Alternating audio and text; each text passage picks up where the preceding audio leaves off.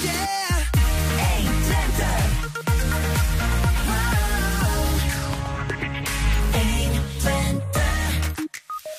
Afgelopen vrijdagavond was de regionale finale van de nationale voorleeswedstrijd... met een winnares uit Enschede en eentje uit Hengelo. En beide zijn bij ons. Hengelo is aan het sporten krijgen en houden. Dat is het hoofddoel van het eind vorige maand opgerichte Sportnet Hengelo. Carolien Lado is bij ons om meer over dit initiatief te vertellen. SP, CDA en Alliantie in gesprek met collega Wilco Lauwers... in aanloop naar de Provinciale Statenverkiezing. Ze praten over de toekomst van de boeren in Overijssel. En in een nieuwe editie van Indepal aandacht voor tekeningen van architect Jan Jans. Het is maandag 13 maart. Dit is 120 vandaag. 120. 120 vandaag. Twente heeft twee nieuwe voorleeskampioenen. Dat zijn Maarle Verstijnen uit Hengelo en Julia Beekhuizen uit Enschede. Ze wonnen vrijdagavond de regionale finale van de nationale voorleeswedstrijd. En lieten daarmee al honderden andere kinderen uit Twente achter zich.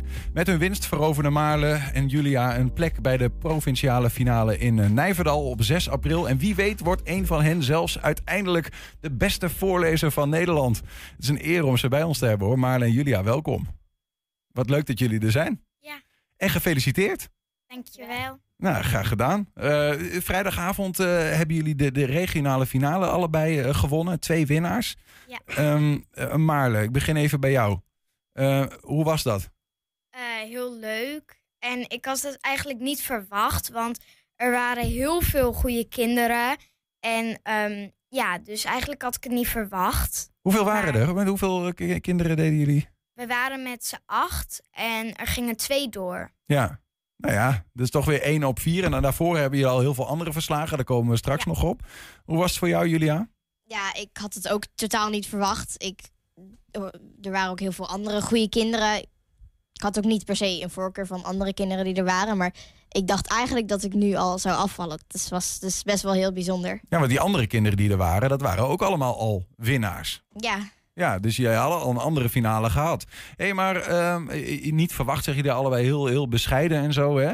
Ehm, maar wat moest je doen dan precies? Wat doe je bij een, een voorleeswedstrijd eigenlijk? Voorlezen en dan begin je eerst eigenlijk een beetje, dan zeg je een beetje een stukje over waar het over gaat. En dan ga je een stukje uitkiezen uit het boek en dat ga je dan voorlezen. Ja, ja. Ja. En dat had je nog nooit gedaan, daar, voordat je aan de voorleeswedstrijd begon. Want je zei, ik had het niet Ehm. verwacht. Maar je, blijkbaar zijn jullie er heel goed in. blijkbaar Ja. wel. Ik lees heel veel, dus Ja, ja. En le- lezen en voorlezen, is dat voor jou een beetje hetzelfde, Maarle? jawel. Ja? En voor maar jou ik lees niet heel vaak voor, dat niet. dat niet? Nee, ik heb voor de voorleeswedstrijd eigenlijk ook niet echt voorgelezen. Ik, ik dacht van, ik ga een keer wat anders proberen. En toen kwam ik ineens in de regionale ronde en heb ik die ineens gewonnen. Ja, ja. Het overkomt je eigenlijk een beetje. Ja. Ja, we gaan er zo meteen eh, verder over praten. Maar het lijkt ons ook leuk om jullie even te, te horen voorlezen. Hè? En dan ga, ik- gaan we straks eens met elkaar praten over hoe je nou überhaupt in deze regionale finale en straks eens in die provinciale finale bent beland. Want daar is nogal wel wat aan vooraf gegaan, ook voor jullie. Ehm, maar misschien, eh, eh, Julia, bij jou eens beginnen. Zou je, je hebt een, een boek meegenomen. Ja. Eh, zou je een stukje willen voorlezen? Of wil je nog iets vertellen voordat je wat gaat voorlezen? Nou, ik wil wel vertellen waar het over gaat. Oké, nou vertel maar. Nou, ehm, ik ga zo'n stukje voorlezen uit het boek Sarah Paletti. En de schrijfster is Manon Sikkel en de illustrator Katrien Holland. Mhm, Je mag hem wel even pakken, want er hangt een camera daar in de hoek. Als je hem omhoog houdt met de voorkant, kijk, dan kunnen we het zien. Dit Het is hem. gaat over een meisje, Sarah Paletti. Mhm. En ze woont in een flat die de burgemeester wil afbreken, omdat hij al heel oud is. En dat wil Sarah niet. Dus gaat ze allemaal argumenten bedenken, zodat de burgemeester hopelijk de flat laat staan. En ook komt een jongetje wonen in de jurk, genaamd Alfie, waarvan de moeder op wereldreis is. En die gaat Sarah helpen. En op de begaande grond van, beja- of van de flat heeft Sarah een bejaardenmuseum opgericht. En naast de flat staat een oude bouwkeet waarin Sarah zich af en toe terugtrekt. Oké, nou, goed om te weten. We gaan luisteren naar een stukje. Tada! roep ik. In mijn hand hou ik een rol onderbroek elastiek. Niemand weet natuurlijk wat dat is, maar ik wel. Dat is heel dik elastiek dat mensen vroeger in de bovenste rand van hun onderbroek hadden zitten, zodat hij niet afzakte. Het elastiek is bijna lang genoeg. Alfie bindt het om zijn middel en gaat dan op het balkon van de 14e verdieping staan. Ik sta beneden en film met mijn telefoon. Springen! Roep ik zo hard als ik kan. Alfie neemt een aanloopje over de balustrade en springt dan naar beneden. Met zijn armen opzij en zijn hoofd omhoog. Alsof hij een vogel is, zoals de bijna uitgestorven dwergmeel. Wow. Alfie gilt het uit terwijl hij steeds harder naar beneden zoeft. Achter de ramen van de flat zie ik de gezichten van de studenten en de mevrouw met een mooie haar. De oude meneer en de lieve mevrouw met het hondje zijn zelfs op hun balkon gaan staan om te kijken. Het elastiek rekt beangstigend ver mee. Ik probeer mijn telefoon stil te houden, maar mijn handen trillen. Ja, Ja, dat is mooi, hè? En dat gewoon hier live hè, op de radio. Ga er maar eens aan staan. Goed gedaan, uh, Maarle. En uh, Dankjewel. ik zie ook wel een beetje, en ik wil de druk voor, voor Julia niet hoger maken, want jij komt zo nog aan de beurt en dat gaat vast ook goed komen. Maar ik zie ook wel waarom de jury denkt, nou Maarle is een goede voorlezer. Ja. Wat, wat, wat vind je leuk aan lezen? Want je, ik zie ook wel dat je er plezier in hebt als je het zo leest. Eh, ja, ehm, bij een boek is het ook wel heel vaak dat je dan dat het gewoon heel onverwachts gebeurt. Zoals bij een film, dan zie je door de muziek soms wel al aankomen dat er wat spannends gaat gebeuren of zo. Maar bij een boek niet. Mhm. Dus dat vind ik heel leuk. En in boeken dan, ja, ik lach ook heel vaak om grappige stukjes en zo. Dus dat vind ik wel heel leuk. Ja. Toch lijkt het me wel iets anders, het, het, het, het voorlezen, dan dat je het zelf leest. Want dan ken je waarschijnlijk het boek al wat je gaat lezen. Dus hoe, hoe heb jij je dan voorbereid op zo'n eh, zo'n regionale finale bijvoorbeeld? Nou, ehm, het mag maximaal vijf minuten duren. Dus dan gaan we thuis altijd timen hoe lang mijn stukje dan duurt.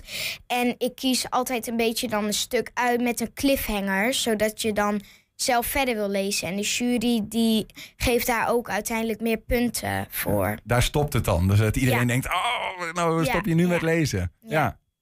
Hey Julia, ehm, eh, zometeen gaan we een stukje van jou eh, luisteren. Je hebt ook een boek meegenomen, maar ik ben wel benieuwd van jou te horen. Je staat niet zomaar in die provinciale finale straks op 6 april. Wat heb je allemaal al, welke, welke eh, plekken heb je al doorstaan? Wat heb je allemaal gewonnen? Eh, eerst van mijn klas, daar deden drie kinderen aan mee. Omdat drie kinderen uit mijn klas die wouden voorlezen. Dat is in Zeggold in Enschede, op die school zit je. Ja, en wij hebben zeg maar een onderbouw, dat is groep 1 en 2. Een middenbouw, dat is groep 3, 4, 5. En een bovenbouw, groep 6, 7, 8. En van de bovenbouw deed ik toen een ronde. Ik mocht bij de middenbouw jury zijn met de andere kinderen uit de klas die hadden gewonnen. En die uit de bovenbouw had ik toen ook gewonnen. En daarna die ehm, uit Enschede, van, daar waren drie rondes van. Ik had de tweede ronde gewonnen. Dus we gingen met z'n drieën uit Enschede naar de De regionale Enschedeze finale. finale, zeg maar, ja. Ja, met z'n drie uit Enschede wel naar de regionale finale. En toen had ik die ook gewonnen. Ja. ja, maar dat is nogal wat, hè? Want je hebt Ja. in, in heel Twente heel veel basisscholen. En al die basisscholen doen voorrondes. En dan eh, uiteindelijk eh, komen jullie met z'n tweeën als Twentse winnaars eruit. Nou, dan heb je heel veel kinderen verslagen al eigenlijk. Je, Ja. je zei ook net, je bent met in jouw eigen klas deden er drie mensen mee. Eh, heb je het dan ook met elkaar over, hey, jij moet dit boek lezen, want die had ik gelezen, die vond ik ook tof. Nou, eigenlijk maken we wel gewoon onze eigen keuze. En het stukje hadden we ook allemaal zelf bedacht. Maar toen gingen we wel met z'n drieën op de gang, zeg maar, oefenen. En dan kregen we ook tips van elkaar wat je dan bijvoorbeeld kon doen. Wat was een van die tips? Eh, nou, op sommige plekjes, dat, dat heb ik nu niet meer, merk ik, want daar krijg ik geen tips meer over. Maar toen kreeg ik een tip dat ik op sommige plekjes iets rustiger moet lezen, moest lezen, omdat ik toen te snel las. En de- is dat, eh, ben je nou, eh, eh, denk je, ook een betere voorlezer geworden dan toen je begon aan de wedstrijd? Eh, ja, ik denk het wel, want steeds begon ik ook meer naar die tips te luisteren en die te verwerken in mijn stukje. Dus daardoor denk ik wel dat ik steeds beter ben geworden na elke ronde. Zullen we een stukje van jou gaan luisteren? Welk boek heb je meegenomen? Wil je nog iets vertellen vooraf? Ja.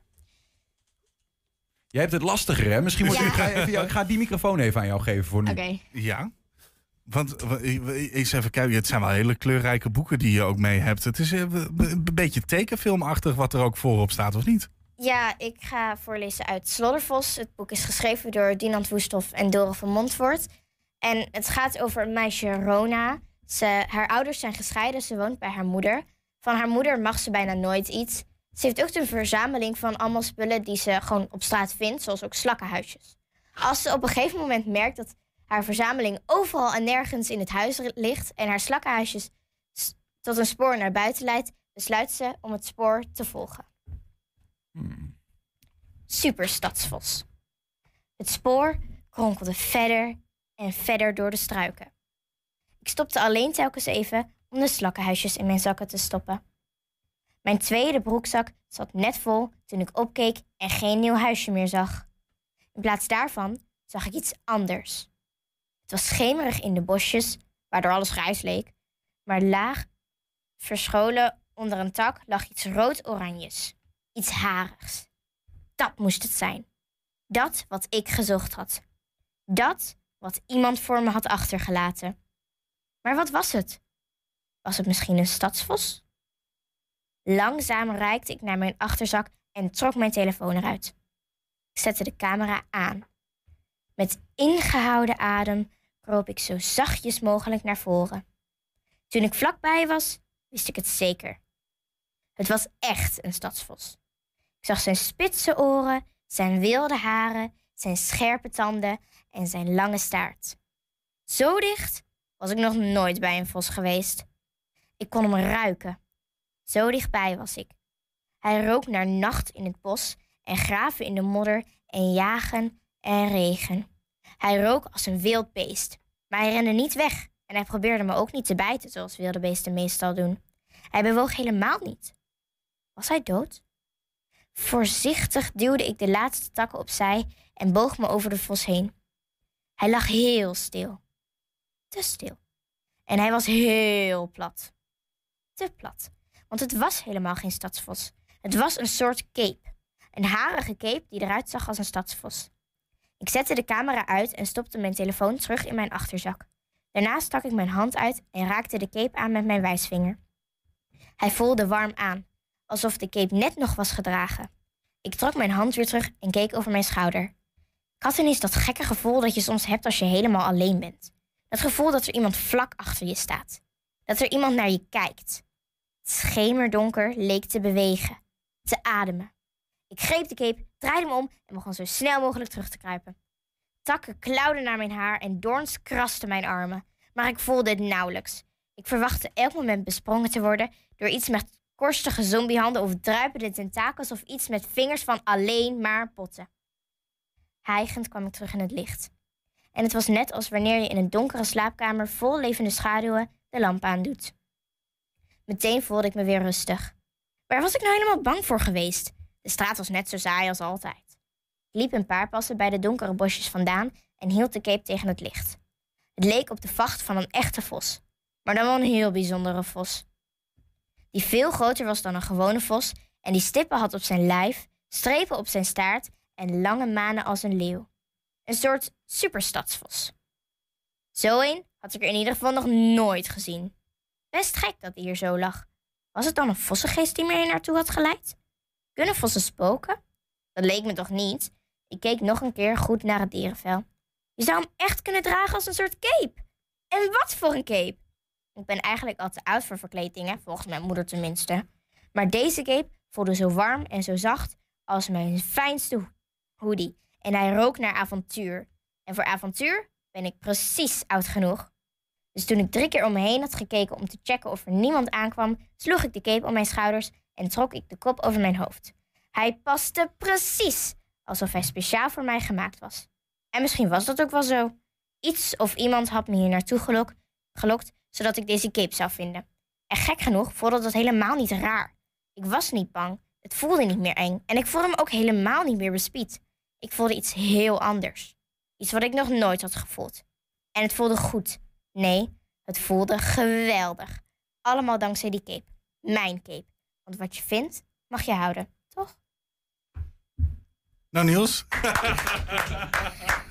Geweldig, ja. Echt eh, fantastisch gedaan ook, eh, Julia. wat tof. Ja. Hoe Ben je een beetje een sloddervos? Nou, mijn moeder vindt van wel. Ja. Ja, echt, eh, echt goed. Ik, ik, ik, ik, begrijp wel, jullie moeten eigenlijk jullie niet vaker voorkomen om eh, wat te horen te lezen. Wat goed Dan zeg. kunnen wij gewoon zitten en Ja, gewoon precies. luisteren. Hey, en, en hoe reageerde je eigenlijk? Want vandaag kom je dan weer na het weekend terug in de klas. Hoe reageert ze bij jou in de klas, eh, Julia, dat je gewonnen had? Nou, ik vertelde het dus tegen mijn hele klas. Ik had het, ik had het al wel zeg maar, gestuurd naar de kinderen op mijn klas, maar niet iedereen wist het nog. Dus toen ik het had verteld, begon de hele klas wel helemaal te schreeuwen en Mhm. Ja, zo, ja, omdat ja, ze ja. heel blij waren. Ja, ja, dat kan me voorstellen. Zegt, misschien zit de landelijke winnaar straks wel bij je in de klas.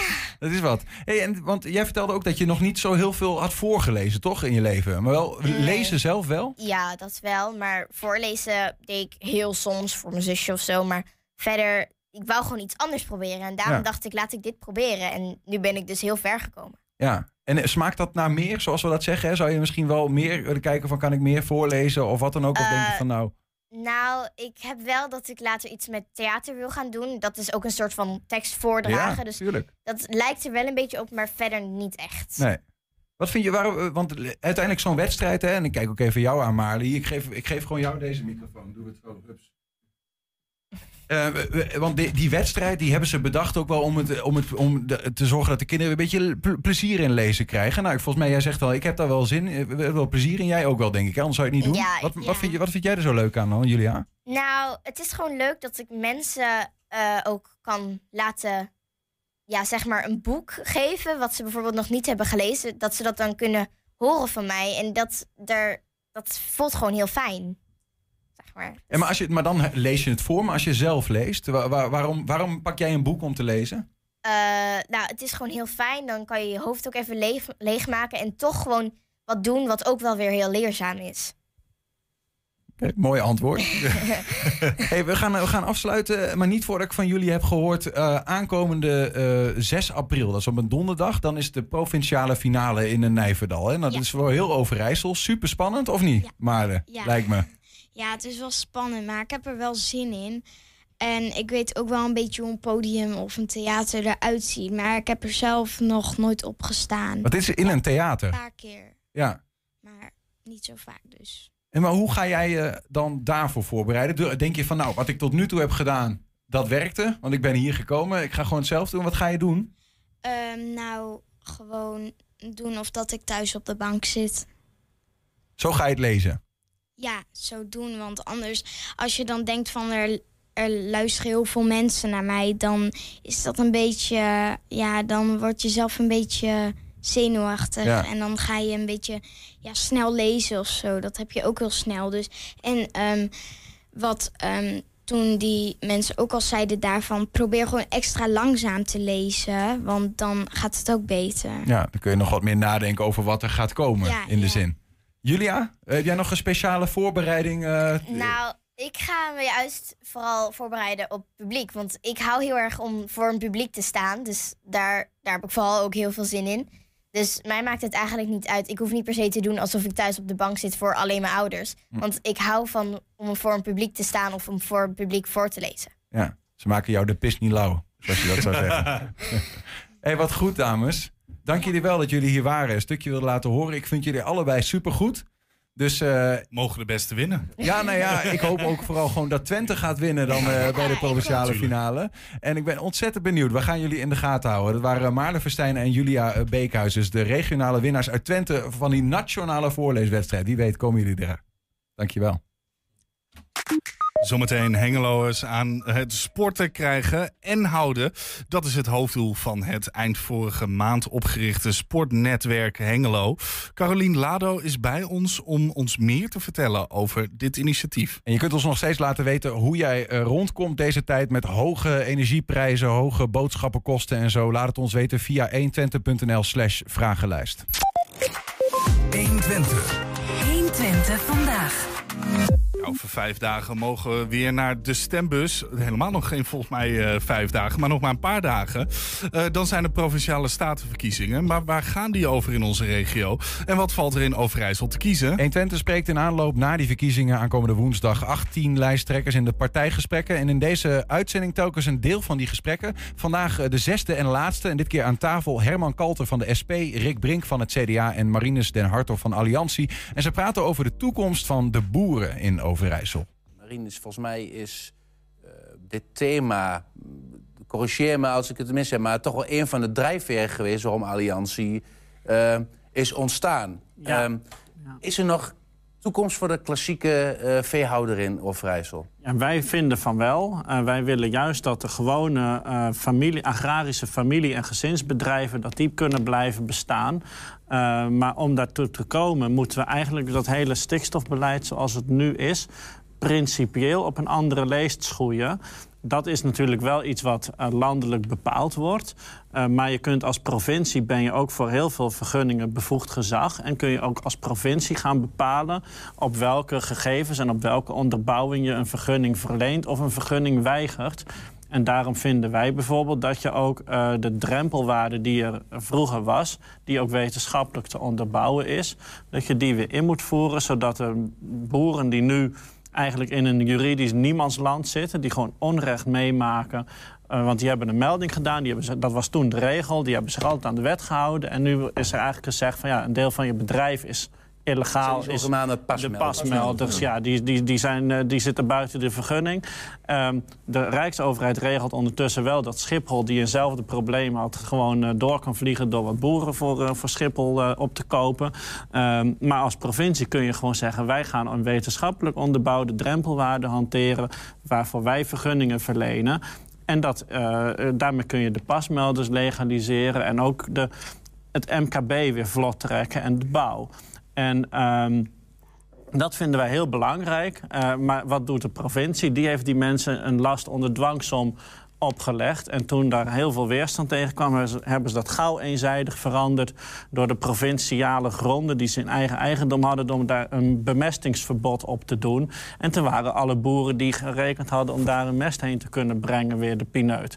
Dus wij vinden eigenlijk dat de provincie meer kan doen voor de boeren... zonder, dat is belangrijk, dat het de natuur schaadt. Want het is, we staren ons helemaal blind op een model... En die stikstof van 10 kilometer verderop... die is niet te meten op dat natuurgebied. Maar dat model krijg je uit Den Haag. Heb je daar dan niet straks gewoon in de provincie meer te doen? Je, je moet nu met dat model rekenen, maar je kunt wel zelf bepalen... tot waar je nog een modeluitkomst als basis voor een beslissing gebruikt. Hoe zit dat bij het CDA? Hebben de boeren perspectief? Wat is uitgerekend het CDA, waar misschien uh, wel kiezers weglopen richting ja. de uh, BBB, de Boer-Burgerbeweging. Ja, dat hoop ik niet. Kijk, wat wij als uh, Overijssel hebben gedaan, CDA. Kijk, het PPLG, het Provinciaal Plan Landelijk Gebied. De inrichting van het hele ja, buitengebied. Je hebt een, ja, ja, je hebt een nationaal plan en je hebt een provinciaal plan. Nou, dat provinciaal plan, daar ligt nu een schets van. Daar gaan we volgens mij later in het jaar nog weer met elkaar over, over in debat. maar wat daarvan gezegd is, is dat er echt wel, en dan sluit ik wel aan bij mijn buurman... dat er echt wel perspectief is voor die boeren. Alleen, en als je het nieuws een beetje volgt... Kijk, wat ik de afgelopen periode gedaan heb... is ook vanuit Overijssel wel een beetje schuren tegen de landelijke overheid. Ook richting mijn eigen partij. Want um, als ik de boeren zie in Overijssel... die willen echt wel meedoen met het reduceren van die stikstofdoelen. Die zijn echt niet uh, uh, nou ja, allemaal heel erg boos. Of, hè, die, die willen echt wel meedoen met die transitie. Alleen, dan moet je ze wel uh, de juiste uh, doelen meegeven, de juiste kaders meegeven. Dan moet je duidelijkheid geven over de pasmelders. Dan moet je ze duidelijkheid geven van wie is nou een piekbelaster en wie niet. Hè? Want dat weten we eigenlijk ook nog helemaal niet. Nou, en dan moet je wel daarna ook wel met het perspectief... en dan krijg je die boel in beweging en ophouden met iedere keer maar staren naar die kalender. Want de discussie 2030, 2035... Ja, die ben ik ondertussen wel een beetje uh, beu, zeg ik dan maar. Maar het CDA zegt, wij houden ons gewoon de wet CDA Overijssel, heb ik het nu over. Ja. Dat, dat gaat over 2035. 2030 ga je wat ons betreft niet halen. Het is zelfs dat je tegen mij zegt... van rij met je rolstoel, zeg ik wel eens, gekscherend... Uh, naar Hardenberg vanaf, uh, uh, met je rolstoel moet ik zeggen, van Hardenberg naar Den Haag in een half uur. Dat lukt ook niet.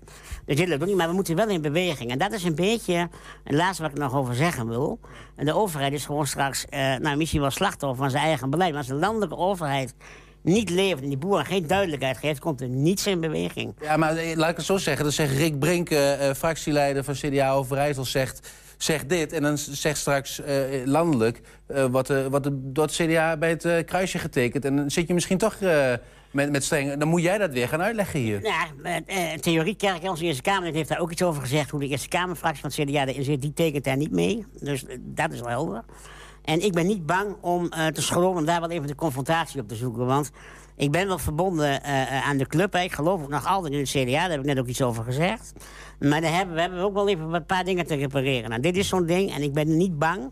eh, om daar eh, richting eh, de landelijke overheid eh, iets over te zeggen. En dat doe ik ook, want we hebben hier gewoon te maken met een provincie... waar de landelijke agrarische sector van waarde is... en waarbij je ook echt eh, nou, veel waarde aan hechten. Maar er moeten wel wat dingen gebeuren... maar daar je die landelijke overheid wel bij nodig. Hoe staat de SP hier eigenlijk in? Er moet volgens mij volgens jullie wel een soort van eh, transitie, een verandering eh, Ja, gebeuren. maar ja, ja, we- ja, zeker, dat wel. En, maar we willen eigenlijk wel veranderen naar eh, minder intensieve eh, landbouw eigenlijk. Hè? Een beetje wat eh Marine net ook zei eigenlijk. We- Wij geloven echt in de toekomstperspectief wel voor het eh, klassieke boerenbedrijf, zoals je dat eh, net noemde. Een familiebedrijf dat gewoon zijn ding gewoon doet. Daar geloven we absoluut nog wel in. Moet die veestapel... eh, De veerstappen moeten wel omlaag. Dan ga je een boel mensen misschien wel vertellen... dat ze wat ze het liefste doen niet meer kunnen doen. Ja, dat, dat, ja dat, dat, dat is zo. Dat, dat, is, dat, dat is waar. Maar dat is wel iets waar we onontkomelijk eh, mee te maken hebben eigenlijk. We hebben wel een opgave met elkaar. Nou, Maar, dat, maar, dat is, maar, maar dat is in heel veel... eh, eh, ik, ik wil niet het onderwerp verschuiven, maar dat is met heel veel industrieën is het zo. Hè? Eh, dat mensen op een gegeven moment daar geen, geen, geen inkomen meer in konden verdienen. en Dat de baan verviel. En ja, dat moet dan wel... Dat, dat is uitermate pijnlijk, maar het is, je kunt niet, al- niet, niet alles in de lucht houden. En je En moet, ook al even dat de agrarische sector doet ook al... Kijk, de, de boeren van tien jaar geleden... dat waren hele andere boeren als die er nu zijn. Hè. Dus er Mhm. gebeurt ook al wel heel veel. En laten we ook eerlijk zijn... halvering van de zweestapel hoor ik heel veel over... maar in een natuurlijk verloop halveert hij al bijna. Maar er zijn ook gewoon veel boeren, ook in Overijssel... die gewoon geen bedrijfsopvolging hebben en die gewoon al stoppen. En- dat is niet omdat ik dat wil, maar dat is gewoon dat dat gebeurt. En, en er is ook een probleem dat als je zeg maar, in één Europese markt werkt... eh, dan ehm, moet je daarin concurrerend kunnen zijn. Dus als je tegen de boeren zegt van je moet je veestapel verkleinen... eh, maar je moet in dezelfde markt nog steeds je geld verdienen... dan betekent dat gewoon verkleining van je inkomen. Dus je zult... En daar zijn ook in Wierde ook wel voorbeelden van... van boeren die een coöperatie oprichten... om dan te, te zeggen van ja, als wij iets doen voor de maatschappij... dan moet de maatschappij, hè, in dit geval het landschap Overijssel... wat daar de natuur beheert, moet ook iets eh, terugdoen voor ons. Ook financieel, want je kunt dus alleen over ver- vermindering van vee praten... als je over andere manieren van inkomen praten. En dat is heel belangrijk, want het inkomen van boeren staat al veel te lang onder druk. En dat heeft ook te maken met hoe de politiek de landbouwsector inregelt. En dat Nederland ook vaak extra regels oplegt die niet hoeven van Brussel. En daar is stikstof ook een mooi voorbeeld van. Want Rick had het nu net over 2030, 2035 en 5 miljard voor Overijssel. Maar ik zal je zeggen, ook met eh 5 miljard zijn we in 2035 er nog steeds niet. Want we sturen nu op een norm voor die neerslag van stikstof in natuurgebieden... Waarbij, die niet haalbaar is. Als wij allemaal wegverhuizen uit Twente... en al onze auto's meenemen, alle bedrijven uitzetten... en al ons vee meenemen... komt er nog te veel stikstof volgens onze norm op het eh, bijvoorbeeld natuurgebied Lonnekemeer. En het model rekent 25 kilometer eromheen. Heb je heel Twente te pakken. Dus dan zou je ook, als we allemaal weg zijn... en er komt één iemand weer terug die weer een nieuwe woonwijk wil bouwen... dan krijgt hij daar geen vergunning voor vanuit de provincie en vanuit Den Haag. Dus het beleid zal veranderd moeten worden op zo'n manier... dat we ook weer naar de hele natuur kijken. Want stikstof is maar voor de verslechtering van de natuur... voor, voor ongeveer een vijfde van de natuur verslechtert als gevolg van stikstof. En 80% door andere dingen. Dus wij, wij sturen ons, staren ons blind op modellen om 20% van de reden van de verslechtering aan te pakken. En, en eh, we, halen daar, we gaan daar met een onhaalbare norm aan de gang. Waar je nog tientallen miljarden Ja, tegenaan kan bij, gooien. want, eh, dat, want- dat gaat niet werken. Nee, maar ik ben helemaal... eh, kijk, en maar daar komt nog één ding bij. Stikstof koppelen wij altijd aan de landbouwsector. Het gaat helemaal niet over andere sectoren, ook niet over IJssel. Ja, hm. En dat stoort mij ook. Hè. Ik, kom zelf ook ik, ik ben zelf ook een teller eh, van een familiebedrijf. Eh, wij hadden thuis geen trekkers, wel vrachtwagens. Hè. Ik was gisteren eh, op een mooi werkbezoek. Eh, en ook de transportsector neemt zijn verantwoordelijkheid, heeft dat ook te doen. Hè? Mhm. Dus het gaat ook, en dat is ook een beetje waar ik een beetje op zit te hameren: van jongens, het is een opdracht van ons allemaal. En echt niet alleen maar Ja, van wel, maar de landbouw wel in, in grotere mate eigenlijk. Hè? Jawel, maar ik vind het nu wel heel erg uit balans, hè. Ik hoor nu alleen maar stikstof, boeren, anders doen. Mhm. Helemaal, hè. Daar moeten ook echt dingen anders, maar er kan ook nog veel. Maar je moet ook gewoon naar die andere sectoren kijken. Want Zeker, die moet je meenemen daarin. die moet je zeker meenemen daarin. Want ja, wij hebben eh, in, de, in de landbouwsector een grote opgave. Ja, we willen ook huizen bouwen. Ja, we hebben ook nog een paar verkeers, verkeersknooppunten waar we iets mee willen. Dus we zullen daar iets aan moeten doen. Ja, dat was een abrupt einde, maar dat komt ook omdat het een deel is van het partijgesprek over de toekomst van eh, de boeren. En dat was een gesprek met Herman Kalter van de SP, Rick Brink van het CDA en uh, Marinus Den Hartog van Alliantie. Om zes uur is het eh, complete gesprek te zien op televisie bij 120 en ook op YouTube, eh, het kanaal van 120 Enschede, is het gesprek eh, integraal terug te kijken, net als alle andere vorige gesprekken. Zometeen een nieuwe editie van In Depot met daarin aandacht voor tekeningen van architect Jan Jans. 120. 120 vandaag. En de kinderen trouwens, Eh, letterlijk. Want we gaan het ook hebben over kinderen en Ja. architectuur. Maar goed, eh, dat is iets heel anders. We gaan het hebben over eh, Hengelo en vooral over Hengelo en sporten. Want Hengeloers aan het sporten krijgen en houden. Dat is het hoofddoel van het eind vorige maand eh, opgerichte sportnetwerk Hengelo. Tijdens de oprichtingsavond in de OSG Sporthal waren er maar liefst 40 vrijwilligers van 26 verschillende Hengeloze sportaanbieders. En dat was eh, boven verwachting, begreep ik, Caroline Lado. Eh, welkom. Ja, goedemiddag. Ja, dat was zeker boven verwachting. We hadden eh, eigenlijk een initiatief genomen om eens met zoveel mogelijk sportaanbieders bij elkaar te gaan zitten. En eens met elkaar uit te wisselen nou ja, wat we kunnen. En dat was, eh, we hadden bedacht, er komen er een stuk of tien. En er kwamen er veertig. Dus dat was eh, positief. Ja, ja. Nou, we gaan het hebben over, over het waarom, wat het precies betekent. Hè. Goed om te noemen, je bent zelf eh, bestuurslid van RSV Renata. Dat gaat op in het Hengeloze HGV, gymnastiekvereniging.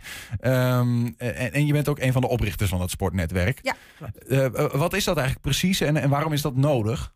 Nou, het sportnetwerk hebben we eigenlijk opgericht om. Nou, je hebt allerlei verenigingen en allerlei sportaanbieders die allemaal met elkaar lekker eh, hun eigen dingetje aan het doen zijn. Maar wat het gevaar daarvan is, is dat je allemaal het eigen wiel aan het uitvinden bent. En eh, wij denken dat je met elkaar een gezamenlijk doel hebt. Dat is met name sporten en zorgen dat de jeugd weer gaat sporten. En dat je eigenlijk van elkaar ontzettend veel kan leren. En als je met elkaar samen gaat werken, dan kom je een heel eind verder. Ja, maar dat gebeurt minder. Dat, eh, de, eh, het is, het, is het om een bepaald tijd te keren dat mensen minder gaan sporten? Nee, ja, het is eh, ook dat, zeker. Het is ook wel omdat eh, ook de gemeente gaf aan... De, we zien dat mensen minder gaan sporten, vooral de jeugd Ja. minder gaat sporten. En het, ons grootste doel is die mensen die niet sporten, vooral de jongeren die niet sporten, van de bank af te krijgen en eh, ook aan sporten te krijgen. Dat zou mooi zijn. En dat willen we inderdaad graag, dat tij willen we keren. We willen zorgen dat ook de mensen die nu nog niet sporten aan het sporten gaan. Eh, en zorgen dat als sportaanbieders we met elkaar blijven innoveren en eh, ook met onze tijd meegaan. Zegt die hoge opkomst waar we het net over hadden iets over de onderschrijving van de verschillende sportaanbieders? Want daar gaan we het ook nog over hebben. Aanbieders, wat betekent dat eigenlijk? Maar dat die dat allemaal zien in de breedte? Ja, zeker. Het is, eh, de hoge opkomst zegt eigenlijk dat we heel graag willen met elkaar. Dat we met elkaar inderdaad zien van, goh, wij willen dat de sport op de kaart blijft staan en dat mensen gaan sporten. En ook wel een stukje dat we eh, met elkaar ook een stem willen vormen eh, van de sport in Hengelo. Mhm. En niet alleen individuele stemmen eh, Ja. willen laten horen. Ja, want dat is op zichzelf natuurlijk wel interessant. Ergens zou ik kunnen voorstellen dat je ook als verenigingen onder elkaar bijvoorbeeld, dat, je, dat er wel wat concurrentie is. En dat je ook gewoon wil dat jouw voetbalclub of jouw eh, nou ja, gymvereniging zijn er dan niet zo heel veel van, maar dat, dat, dat die het beste is bij wijze van. Ja, hè? is ook. En dan ga zeker. je eh, geen kennis lopen delen met je concurrent, toch? Ja, nou ja, dat als je slim bent, ga je dat toch wel doen. Het klopt ook wel. Er zitten, zitten een beetje twee kanten aan. Hè? Aan de ene kant wil iedereen natuurlijk graag dat zijn voetbalclub de beste is en dat daar de meeste leden zitten. En aan de andere kant wil je ook gewoon graag, je hebt een voetbalclub, omdat je het belangrijk vindt dat mensen sporten Mhm. en dat mensen blijven bewegen. Dus we hebben ook een gezamenlijk belang.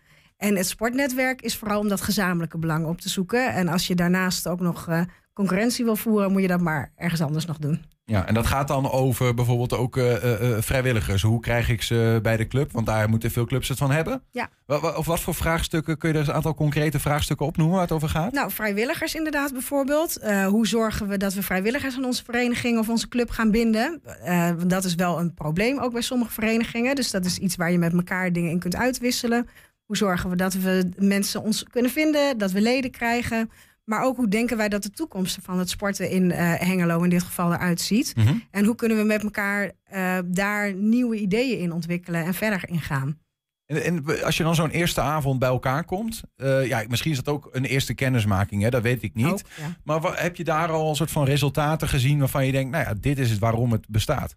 Ja, wel. Er zijn echt wel hele interessante dingen gezegd. Er zijn dingen gezegd als, goh, we willen eigenlijk gezamenlijk gaan optrekken, ook naar de gemeente toe. En gezamenlijke initiatieven gaan ontwikkelen. Maar dan zit je met elkaar aan een ronde tafel met z'n veertig, of hoe is dat? ge- Ja, dat was in dit geval wel zo. Ja, ook ja. wel omdat we niet 40 mensen verwacht hadden, hadden we inderdaad een prachtig mooie eh, cirkel gemaakt. En sommigen moesten net. staan. Moest een beetje Stoelendans. erachteraan. Ja, we hadden een dubbele cirkel op een gegeven moment, maar dat geeft niet. Eh, en dan ga je inderdaad met elkaar. We hadden een agenda gemaakt. En eh, op een gegeven moment hebben we ook gewoon geïnventariseerd. Waar liggen de behoeften? Wat voor ideeën zijn er? En eh, dan blijken er ook echt wel wat, wat innovatieve ideeën te zijn. In bijvoorbeeld een eh, omnisportvereniging. Dat is een beetje wat in het land steeds meer ontwikkelt. Dat je niet alleen maar gaat in je ouderwetse 50 jaar oude vereniging blijft zitten. Mhm. Maar dat je ook eens wat verder gaat kijken. En eens gaat kijken of je niet in een samenwerking met elkaar eh, een omnisportaanbieder kunt worden. Dat, dat er fusies gaan plaatsvinden, bijvoorbeeld. Nou ja, niet zozeer fusies, maar wel eh, zulke intensieve samenwerkingen. Dat je op één locatie verschillende sporten kunt aanbieden. En het voor mensen ook makkelijker kunt maken om ehm, bij jou te komen sporten. Ja. Als jij bijvoorbeeld gewoon lid wordt van de Omnisportvereniging en je mag daar elke sport die aangeboden wordt gaan doen, dan kun je de ene keer gaan basketballen en de andere keer gaan volleyballen. En dan kun je veel makkelijker Ja. eh, met verschillende lessen ook mee gaan doen. Is dat iets van. Ik, ik weet dat in Enschede bijvoorbeeld zijn ze ook bezig met sportclusters. En dat, eigenlijk, Ja. dat lijkt er een beetje op, bijna Ja, sportdorpen. en, en er wordt zelfs gedacht om daar muziekverenigingen nog bij te doen. Zodat ook hè, de jongens die naar voetbal gaan ook in aanraking komen met even die trompet. Van hey, wat is dat eigenlijk voor. Eh, de- de- is dat een soort vanzelfde gedachte die Ja, daar eh, zeker. En je ziet dat eigenlijk in heel Nederland gebeuren. Ja. Dat je, je kunt eigenlijk niet meer zoals vroeger. Dan was je eh, een kind en jouw vader zat bij de katholieke voetbalvereniging. En jij werd geboren en jij ging natuurlijk ook naar de katholieke voetbalvereniging. Want ja, zo was dat nou eenmaal. Dat is niet meer. Tegenwoordig hebben mensen die kinderen hebben, die herkennen dat vast. De een die wil freerunnen, de volgende wil kickboksen. De andere die gaat er nog een muziekles bij doen. Kinderen kunnen nu veel meer kiezen. En doordat ze veel meer kunnen kiezen, kun je ook niet meer zo standaard verenigingachtig zijn zoals je vroeger was. Ja, ja. Daar moet je gewoon over nadenken. Ja. Nou, interessant is dat, eh, dat dat hele landschap van sport in eh, Hengelo zou wel eens kunnen veranderen als het Ja, sportnetwerk dat nou ja, ook zo beoogt. Ja. De- dan even naar het punt, want je noemde al een aantal keer het woord sportaanbieders. Hè? Het gaat niet alleen om verenigingen. Nee, nee, we hebben heel bewust gekozen voor sportaanbieders. Eh, verenigingen, dat is waar vroeger, van vroeger uit natuurlijk heel erg de sport aangeboden wordt. Maar hoe mooi zou het zijn als je ook kunt samenwerken met andere sportaanbieders? Zo, er zijn heel veel particuliere initiatieven, sportscholen, eh, fysiotherapie, van alles en nog wat. Ja. Eh, waar je natuurlijk ook gewoon je krachten mee kunt bundelen. Op welke manier dan? Ik, kun je een voorbeeld geven van hoe ik dat concreet voor me zou moeten zien? Nou, er was een, eh, een aanbieder bij aanwezig die bootcamps aanbiedt voor kinderen. En als je daar een samenwerking mee zou kunnen beginnen, dan zou je kunnen zeggen van goh, je gaat, je wordt eh, eh, lid bij de bootcamp, maar je kunt ook meedoen met de voetbal. Of je gaat in een samenwerking samen vrijwilligers werven die samen eh, bepaalde klusjes gaan doen die gedaan moeten worden. Ja. Zo kun je eigenlijk heel veel kanten op. ja. Zijn er ook mensen of verenigingen of, of, of eh, instanties die, die jullie hebben gevraagd en hebben gezegd, nou, Nog niet.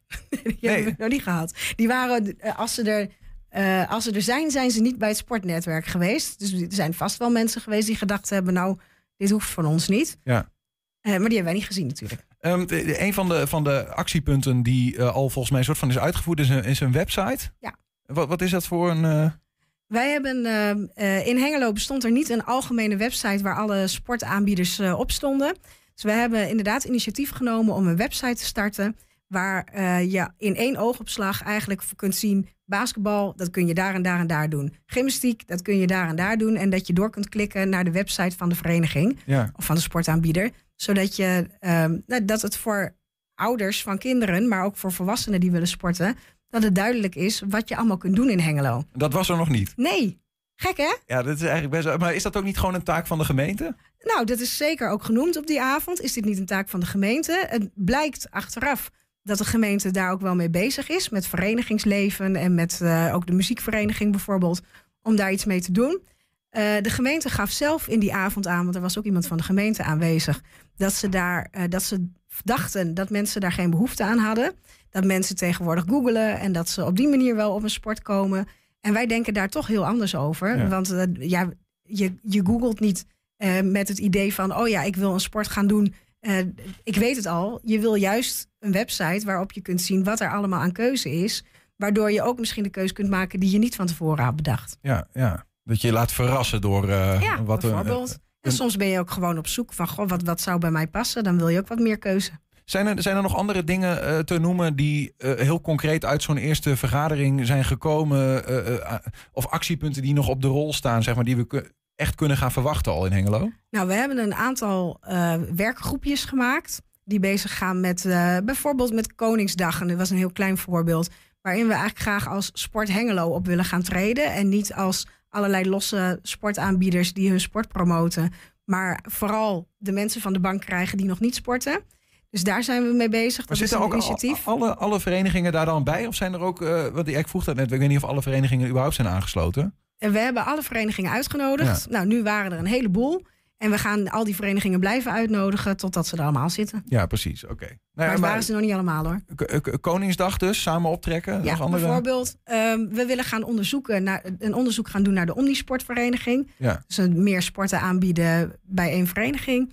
Eh, en we willen die- met, als, eh, met die website aan de gang. Dat zijn de meest concrete dingen die eruit gekomen zijn. Maar dan zo'n omnisportvereniging neem ik aan. Hè, dat, dat- daar moet ook echt wel eh, de schop voor in de grond. Stel dat jullie de handjes op elkaar krijgen. Zeggen we gaan dat doen. Eh, nou, dat is nog wel een wezenlijke verandering. Zeker. Ehm, eh, is, zit de gemeente als partner aan zo'n tafel? Want ja, die moet er dan ook iets van vinden of zo.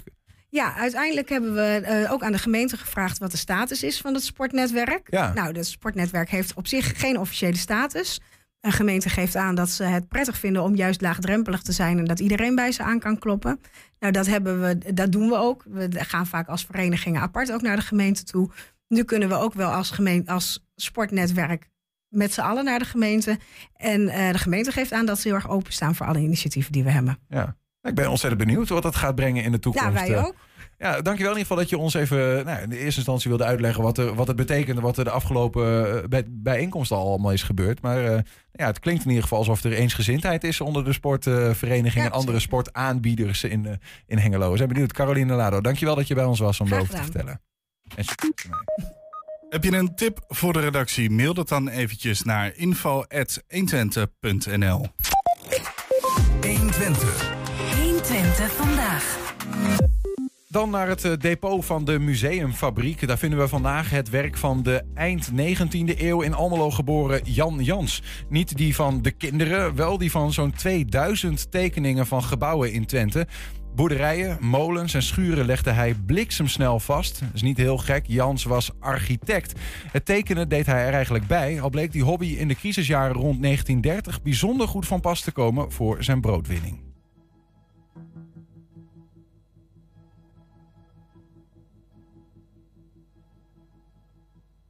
Stapeltje archiefdozen. Ja. K11, K8, K6, K7. Ja, ja het, het is niet compleet. Dus de, waar we het over gaan hebben is eigenlijk K4 tot en met K11. maar er is een selectie eruit. En het gaat om eh, 350 tekeningen van Jan Jans. Jan Jans eh, eh, was als kind een begenadigd tekenaar. Ging graag erop uit om te tekenen. En we hebben het dan over wanneer... Even de, Hij is geboren 1893, gestorven in 1963. Oké. Ja, en eh, zijn, zijn beroep was architect. Eh, nou, zijn passie was eh, tekenen. En daar deed hij eigenlijk heel erg goed. En hij was afkomstig, waar kwam hij vandaan? Ja, hier uit de buurt, uit eh Almelo geloof ik. Een tukker. Ja, Tukker. Ja. Ja. En wat Jan Jans deed, was op de fiets erop uitgaan en gebouwen tekenen. En de bijzondere bouwstijlen van, eh, van kerken, van boerderijen, van molens. Ja. En met name, hij, hij was architect. eh, hoe is iets gebouwd? Wat zijn de constructies? eh, wat voor stenen zijn er gebruikt? Hij is in Amsterdam opgeleid met Berlage als een van zijn leermeesters. Dat kan slechter. En inspiratiebron ook. Ja. Al werd hij wel steeds door die Amsterdammers als dat, dat boertje hier uit, Uit- uit, uit Twente, uit Twente ja, ja, benoemd. Maar op een gegeven moment kwam hij weer terug hier in de streek. Hij heeft hier ja, een aantal dingen gebouwd, waaronder de overkapping van eh eh, eh, Openluchtmuseum in eh eh, Openlucht eh, eh, eh, Theater in Hetmen. Maar zijn liefhebberij was echt naar buiten gaan, dingen tekenen, met name gebouwen tekenen. En dan dingen die bijzonder waren voor deze streek. Het moest wel een bijzonder gebouw zijn. Hij tekende allerlei details op, op dat gebouw. Dus ook de, de geveltekens, de stiepeltekens. Alles eh, eh, werd door hem genoteerd. Ja. En eh, dat deed hij ook heel snel. Want ik las een interview met hem als hij dan naar, ja, naar, naar een plek ging om iets te tekenen. Een half uurtje had hij nodig. Een half uurtje per ja, tekening. Dan stond het er wel eens een beetje op, zegt hij in het interview. ja, nou ja, dat is dan niet meteen dat je zegt van... Notter. Ik kan er veel details op zien. Nutter bij Ja, Opmarsum. Nutter bij Ootmarsum. Ah joh. Maar dit zijn... Hoeveel tekeningen zei je hebben we hier in het depot? 350. Nou, hij ging dus ergens naartoe. Ja. Tekenen. Je ziet hier ook heel veel eh, details op die eh, tekening. Echt ja. En eh, een half uurtje stond het erop, zegt hij in het interview. Ongelooflijk. Ja, maar hij was ook, eh, hij verkocht helemaal niks. Hij hield alles voor zichzelf. Nou was het crisistijd. Eh, Dertiger jaren. Dertiger jaren. Ja. En ook de aantal opdrachten als architect die vielen eh, tegen. En toen eh, eh, is hij toch overgehaald door de directeur van het Rijksmuseum Twente, J.H. van Heek, Jan Hemmer van Heek, eh, om een gedeelte van zijn tekeningen te verkopen. Hij had er toen 600 gemaakt. En de 350 mooiste zijn aangekocht door J.H. van Heek voor het eh, Rijksmuseum Twente. En, eh, eh, en die heeft daar eh 5000 gulden voor betaald. Oeh, 5000 gulden voor Ja. 350 tekeningen. 350 tekeningen. Dat is best een hoop geld. Het was toen natuurlijk wel, het Rijksmuseum was voor de ene helft kunst en de andere helft was cultuurhistorie. En dat is ook de reden waarom dit hier in het depot ligt. Dus destijds is het Rijksmuseum is, gesplitst in het Rijksmuseum en Oudheidkamer Twente. Ja. En dit behoort tot de collectie van Oudheidkamer Twente. Dus toen, toen het aangekocht werd, had hij eh 600 tekeningen klaar. Ja. En toen hij overleed in 1963, toen had hij er 1800. Zo. Ja. Als, als de mensen hier nou naar kijken, hè, of ze... Het zou toch fantastisch zijn als mensen dan objecten, panden herkennen. En zeggen Ja. van, ik weet, ik weet Ja. welke hijs, eh, hè, welke Ja. hijsding, de hijsnok dit is. Hoe je Ja, ik kan me dat nog herinneren misschien, dat ze dan denken. Ja. Eh, Jan Herman van Heek die deed ook actief aan eh, promotie.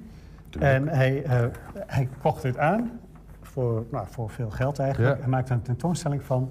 En eh, alle eh, leerlingen van alle scholen in Twente... die mochten gratis de tentoonstelling bezoeken. Wat gaaf. En de toegang tot museum en tentoonstelling is voor klassen onder geleide Ja. kosteloos. Ja. Jan Jans, Jan architect, tekenaar. Ja. Als ik het zo zie, vooral tekenaar toch, heeft hij zijn brood niet aan, nou wel 5000 gulden is een hoop geld in die tijd. Ja, maar ja. Mooi. Jans was eh, dus een man met aandacht voor de omgeving om hem heen. En dat zat er al van jongs af aan in, eh, blijkbaar. In Enschede is op eh, 25 maart aanstaande een evenement dat kinderen van nu wil leren om ook oog voor hun eh, gebouwde omgeving te krijgen. ArchiKids heet het. En eh, Sander ten Harmsel is architect in Enschede en is ook organisator van ArchiKids. Sander, welkom. Ja, dankjewel. Ja, heel even nog naar die tekeningen van Jan Jans. Ehm, is, is dat waardevol dat, dat er dus tekeningen vanaf nou ja, 1893, dat hij geboren was, dat er tekeningen zijn van die tijd, van dit soort gebouwen? Ja, ja absoluut. Het is ook, eh, het filmpje eindigde mooi met, het, wa- het waren echt tekeningen, hè, hand, handtekeningen. En, eh, ik denk dat dat wel een ambacht is die snel aan het verdwijnen is. Ook wel onder architecten, eh, moet ik eerlijk zeggen. Ja, omdat alles met de computer gebeurt. Ja, ja, ja. Wij, eh, wij doen toch veel met computers. Ehm, maar eh, schetsen met de hand doen we ook. En dat is, ik noem dat dan vaak ha- hardop nadenken op papier. En eh, dat gaat toch wel veel met de hand en met een stift. En met, eh, met Hij deed in een, in een half uur, zette die Ja, gebouwen eh, erop. Dat Kun je dat ook? niet na. niet? Dat Nee. doe ik hem niet na. Nee, ik, eh, ik ben wel onder de indruk van zijn tekeningen, moet Ja. ik zeggen. Hey, maar, maar en, en breder gezien, zeg maar, hè? want eh, eh, een architect. ehm, als, je, als je tekeningen ziet van inderdaad, eh, ik weet niet, er zijn natuurlijk niet zoveel foto's van, van, van die tijd. Het waren er alleen maar tekeningen, neem ik aan. Is het, helpt dat om soms te- geïnspireerd te raken? Of ja, weet ik ja, veel. ik vind sowieso wel eh, eh, die tijd nog wel inspirerend. Ook als je terugkijkt hoe ze dat vroeger deden. Heel veel eh, eh, dingen die we nu anders doen in gebouwen. eh, die deden ze vroeger, hadden ze over heel veel dingen al nagedacht. Dus die hele bouwtechniek, die is natuurlijk al eeuwen oud. Ja. En eh, de, mo- de moderne gebouwen zitten vaak heel anders in elkaar. Toch kun je best nog wel veel leren van hoe ze vroeger, eh, bijvoorbeeld eh Twentse Lus, hoe ze, hoe, ze dat, hoe ze dat bouwen. Dus het, de schuur die in de, in de museumfabriek staat, Ja, daar kun je nog heel veel eigenlijk nu nog steeds van opsteken als Ja. architect. Kun je ze ook een concreet voorbeeld noemen? dat we ons, materiaalgebruik, hoe Ja. we, die houtconstructies in elkaar werden gezet. Er wordt nu steeds meer weer teruggegrepen naar hout als, als bouwmateriaal. Ja. Eh, eh, we moeten allemaal eh, verduurzamen. Een van de meest milieuvervuilende materialen is beton. Nou, kijk om je heen. De meeste gebouwen zijn van beton. Ja. En dat was vroeger anders. Dat is vroeger natuurlijk niet voorhanden. En ze bouwden daar alles met hout. En ook nog vaak losmaakbaar. Dus je kon eigenlijk een Twentse schuur kon je uit elkaar halen en elders weer opbouwen. Zo, zo ging dat vroeger ook. Ja, ja. We gaan weer terug, terug, terug naar af. En dat is in positieve zin bedoeld Ja, dan. in positieve zin zeker. Ja. Ja. Ja, Wat grappig. Maar tekenen doen we niet meer. Wij Nee. doen dat tegenwoordig modelleren. Hey, eh, deze meneer was, was al, al- al als kind eh, blijkbaar al nou ja, geïnteresseerd eh, in architectuur en zo. Hoe zat het bij jou zelf? Nou ja, dat is een van de redenen waarom ik eh Archikids met een aantal mensen ben gestart. Ik was als, als kind me helemaal niet bewust van het vak architectuur en wat een architect eigenlijk allemaal deed. Daar kregen we ook niks van mee op de basisschool. Nou, dan zijn die tijden wel veranderd. Als ik kijk wat, eh, wat voor eh, aanbod de kinderen tegenwoordig krijgen, dan ben ik er wel van onder de indruk. Alleen, eh, we hebben de stichting opgericht om echt bij jonge kinderen, basisschoolkinderen, al een zaadje te planten. wat het vak eigenlijk inhoudt. En Ja. dat ze bewust worden van de gebouwde omgeving. Kijk eens om je heen, weet je wel dat dat allemaal ontworpen is. Ja. Ja. Want dat, ja, dat, dat lijkt mij dan altijd een soort van logisch eh, ja, ding. ja, Maar, maar er komt heel wat bij kijken. En vooral het leuke aan Archikids is eigenlijk dat, dat je kinderen laat worstelen met... maak nou eens een tekening en maak daar vervolgens eens een maquette van, van je ontwerp. En hoe doe je dat dan? En die worsteling van hè, plat op papier iets bedenken... en dat idee dan verwezenlijken in een maquette... ja, dat is voor, voor kinderen een hele, hele leuke bezigheid eigenlijk. want dat, dat is wat het is. Hè? We hebben wat foto's misschien van, van, eh, van voorgaande edities op de achtergrond draaien. Nou ja, weet je, wat, want 25 maart hè, in Tetum in Enschede dit keer, normaal in de museumfabriek. Wat gebeurt daar dan op zo'n dag? Ja, dat, is, eh, eh, dat wordt gedragen door heel veel vrijwilligers. Het is een gratis evenement, dus we willen het zo laagdrempelig mogelijk, als mogelijk houden. En ehm, het is eigenlijk een snelkookpan waarin dus eh, eh, veel vrijwilligers, architecten en andere mensen uit de bouwkolom kinderen helpen in groepjes om te komen tot een ontwerp. En eh, om dat ontwerp ook te verwezenlijken in een maquette. Dus ja, het is, het is eh, een heel intensieve middag. Ja. Ook voor de kinderen, maar ook voor de vrijwilligers. Maar het is een hele ja, geweldige eh, beleving en een geweldig evenement. Maar ik heb kinderen niet genoeg aan Lego, Duplo. Dat zijn toch ook allemaal van dat ja, soort... En, en eh, handenarbeid. eh je vakken. zegt van, nee, er is meer nodig om Wij, die... wij eh, bieden in ieder geval al- ander knutselmateriaal aan. Dus het is ook allemaal eh, materiaal wat even net niet op scholen voorhanden is. Ja. En, en we bieden die, die architect aan die toch hun anders leert kijken naar een gebouwde omgeving. Maar ook anders leert nadenken over hoe maak ik nou iets. Ja. Dus- Ja, maar nou, ik begrijp wel, het is niet alleen maar. Want eh, jij zegt van ik, ben, ik, ik, ik had zelf bewijs van wel zoiets willen hebben. Of blijkbaar op een andere manier getriggerd geraakt voor de architectuur. Ja. Maar het is niet per se eh, te doen omdat jullie nou mensen tekort hebben in het vakgebied, toch? Het is, eh, of is dat het ook? Nou ja, ik vind wel dat, dat eh, soms is, is de aandacht voor ons vakgebied, eh, eh, ja, vind ik wel eens laag. Hè? Dus soms hoor ik politici wel eens wat roepen over architecten en denk van, nou ja, ehm, eigenlijk zijn wij wel, het begint wel bij ons vaak, bij het eerste idee en een, een visie hebben over een bepaald plangebied wat, wat ontwikkeld moet worden. En, ehm, maar dat, dat vind ik eigenlijk, wat ik vooral bij de kinderen eh, zou willen planten, is het zaadje van, joh, het is een hartstikke leuk vak waarin je je creatieve ideeën kwijt kan. En eh, je maakt echt iets. Hè? Dus Mhm. er is ook een resultaat. Ja. Ik weet nog dat ik als architect, ik ben nu 16 jaar, 17 jaar architect, maar dat mijn eerste gebouw gerealiseerd werd, ja, ik was trots als een pauw, omdat ik echt datgene wat ik in eerste instantie bedacht had, eh, met een schets verwezenlijk zag worden in werkelijkheid. Dus, Ja. Maar ik vraag het ook omdat, omdat ik begrijp dat jullie zeggen... er zit wel ehm, meer achter ehm, dat je als mens... en dit, dit gaat om kinderen, jonge mensen... die hebben er misschien hun hele leven nog wat aan... maar dat je leert om eh, aandacht te hebben voor je gebouwde omgeving. Ja. En waarom is dat dan belangrijk? Nou ja, kijk, eh, ehm, in, in Nederland is het haast onontkoomlijk. Alles is ontworpen waar je, waar je, waar je gebruik van maakt. En eh, ehm, toch is dat besef bij jonge kinderen vaak nog niet helemaal aanwezig. En ja, wat ik vooral eh, eh, wil meegeven aan ze, van, joh, het is een hartstikke leuk vak. Eh, eh, eh, je kunt er al die creativiteit in, in kwijt. En ehm, ik merk dat ik, toen ik vroeger jong was, wist ik eigenlijk niet zo goed wat ik wou. En dat had wel te maken ook met dat mijn referentiekader vrij beperkt was. Ja. En eh, eh, nogmaals, tegenwoordig is dat veel breder al bij scholen. Ja, want ze doen aan een les architectuur of... eh, eh, Nou, dat, nee, dat, dat, is, dat is niet echt. eh, er wordt wel wat over eh, gedoseerd. En eh, er, er worden allerlei activiteiten wel misschien in die richting. eh, eh, mijn kinderen zijn eh, afgelopen tijd naar het Rijksmuseum geweest eh, in, het, in het voorjaar. Eh, daar, daar leren ze eigenlijk heel veel van eh, de grootmeesters van Nederland. Maar ze komen ook ineens in een heel indrukwekkend gebouw. Ja. Wat, eh, ja, wat hun mond doet eh, openvallen. Ja, dat is architectuur. Hè? Dan krijg zo'n je irritante vraag als ze terugkomen bij- thuis bij van papa. al denkt van wauw, waar ben ik? Ja, ja, ja. Ja, ja. En dan stel jij ook vragen die waarschijnlijk andere vaders niet zullen stellen. Dan Nou ja, precies. Maar uiteindelijk wat je eh, eh, eh, merkt is dat ze zijn soms niet altijd bewust van hun omgeving. Ja. En als je ze dan vraagt, ik heb mijn kinderen ook wel eens meegenomen naar dit gebouw, in het Balengebouw in Enschede. Ze vinden het een heel gaaf gebouw. En als je dan door gaat vragen, maar waarom dan? En, en dan, dan kunnen ze dat wel uitleggen. Maar Ja. dat bewustzijn, dat stukje besef, Ja. ja. dat willen wij juist eigenlijk me- ze meegeven. Maar omdat dat plezier, ja, ik zoek nog steeds een beetje, omdat dat plezierig is, hè, Ja. dat je gewoon weet eh, hoe je omgeving eruit ziet. Of, of ja, er- en dat je ook weet dat er eigenlijk altijd over na is gedacht. En dat er eh, altijd iemand eh, aan, aan, aan de voorkant het heeft bedacht. Ja, gewoon heel rijk de omgeving Ja, waar je in. ja. En, en een ander ding wat ik begreep is, eh, want dat is natuurlijk wel eh, de eh, architectuur een beetje gezien als een elite ding. Ja, nee, dat- dat- een vak voor hooggeleerde mensen. Je mag ook je hebben, het is kandidaat-architect zijn volgens mij. Hè? Ja, ja dat, dat is wel, vind ik, die, die, die, die lading is wel, ook wel een beetje veranderd in de loop van tijd. Maar toen ik jong was, toen was dat misschien nog wat meer elitair dan nu. Eh, maar dat is ook een van de redenen waarom we het houden. Hè. We, zeggen het is een gratis evenement, dus iedereen kan komen. Eh, eh, van alle, uit alle klassen van de maatschappij ook. En dat ehm, eh, vind ik ook erg belangrijk. Dat het niet alleen die kids zijn die bij wijze van spreken door hun ouders die, die richting opgepusht worden. En dan zeggen, ja. dat is een leuk vak voor, ga dat maar doen.